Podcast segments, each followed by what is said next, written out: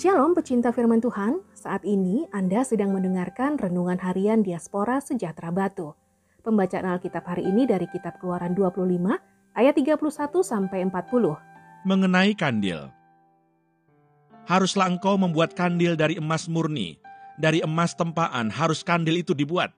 Baik kakinya, baik batangnya, kelopaknya, dengan tombolnya dan kembangnya, haruslah seiras dengan kandil itu Enam cabang harus timbul dari sisinya, tiga cabang kandil itu dari sisi yang satu, dan tiga cabang dari sisi yang lain. Tiga kelopak yang berupa bunga badam pada cabang yang satu dengan tombol dan kembangnya, dan tiga kelopak yang serupa pada cabang yang lain dengan tombol dan kembangnya. Demikianlah juga kau buat keenam cabang yang timbul dari kandil itu.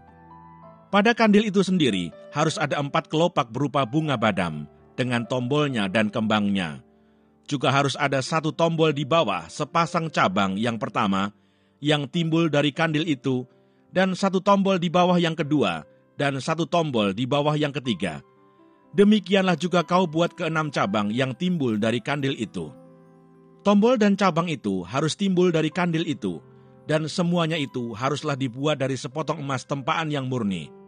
Haruslah kau buat pada kandil itu tujuh lampu, dan lampu-lampu itu haruslah dipasang di atas kandil itu, sehingga diterangi yang di depannya. Sepitnya dan penadahnya haruslah dari emas murni. Dari satu talinta emas murni haruslah dibuat kandil itu dengan segala perkakasnya itu. Dan ingatlah bahwa engkau membuat semuanya itu menurut contoh yang telah ditunjukkan kepadamu di atas gunung itu. Ayat Mas hari ini diambil dari kitab Keluaran 25 ayat 37. Haruslah kau buat pada kandil itu tujuh lampu, dan lampu-lampu itu haruslah dipasang di atas kandil itu sehingga diterangi yang di depannya. Keluaran 25 ayat 37. Renungan hari ini berjudul Terang yang Didambakan. Thomas Edison merupakan manusia cerdas dan penemuannya sangat berguna bagi kelancaran aktivitas manusia. Dengan bola lampu yang ditemukannya, maka manusia dapat beraktivitas pada malam hari. Selain itu, penemuan Thomas juga membuat malam hari tidak lagi menakutkan karena kegelapannya.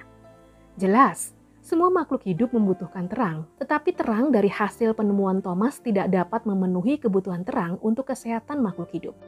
Dengan demikian, terang yang Allah ciptakan memiliki manfaat yang jauh lebih besar daripada terang bola lampu yang ditemukan Thomas. Manusia yang berdosa sebenarnya mereka sedang hidup dalam kegelapan dan tidak tahu arah sehingga mereka membutuhkan terang supaya dapat mengerti mana yang salah dan mana yang benar di hadapan Allah.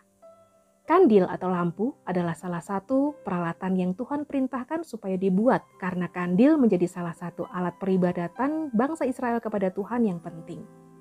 Kandil melambangkan Kristus sebagai terang yang sejati bagi seluruh dunia dan terang Allah yang kekal bagi umatnya. Yohanes 8 ayat 12 dan Wahyu 22 ayat 5. Terang inilah yang dibutuhkan untuk kesehatan rohani manusia. Di luar Kristus, manusia tidak dapat mengerti kehidupan yang berkenan di hadapan Allah. Di luar Allah, manusia akan hidup dalam kegelapan dan tidak akan dapat mengenakan pribadi Allah. Terang itu sudah datang dan bersedia menerangi kehidupan manusia. Namun keputusan manusia untuk mau menerima atau tidak terang tersebut akan menentukan langkah dan nasib hidupnya di kekekalan. Maka Yesus berkata pula kepada orang banyak katanya, Akulah terang dunia, barang siapa mengikut aku, ia tidak akan berjalan dalam kegelapan, melainkan ia akan mempunyai terang hidup. Yohanes 8 ayat 12, Tuhan Yesus memberkati.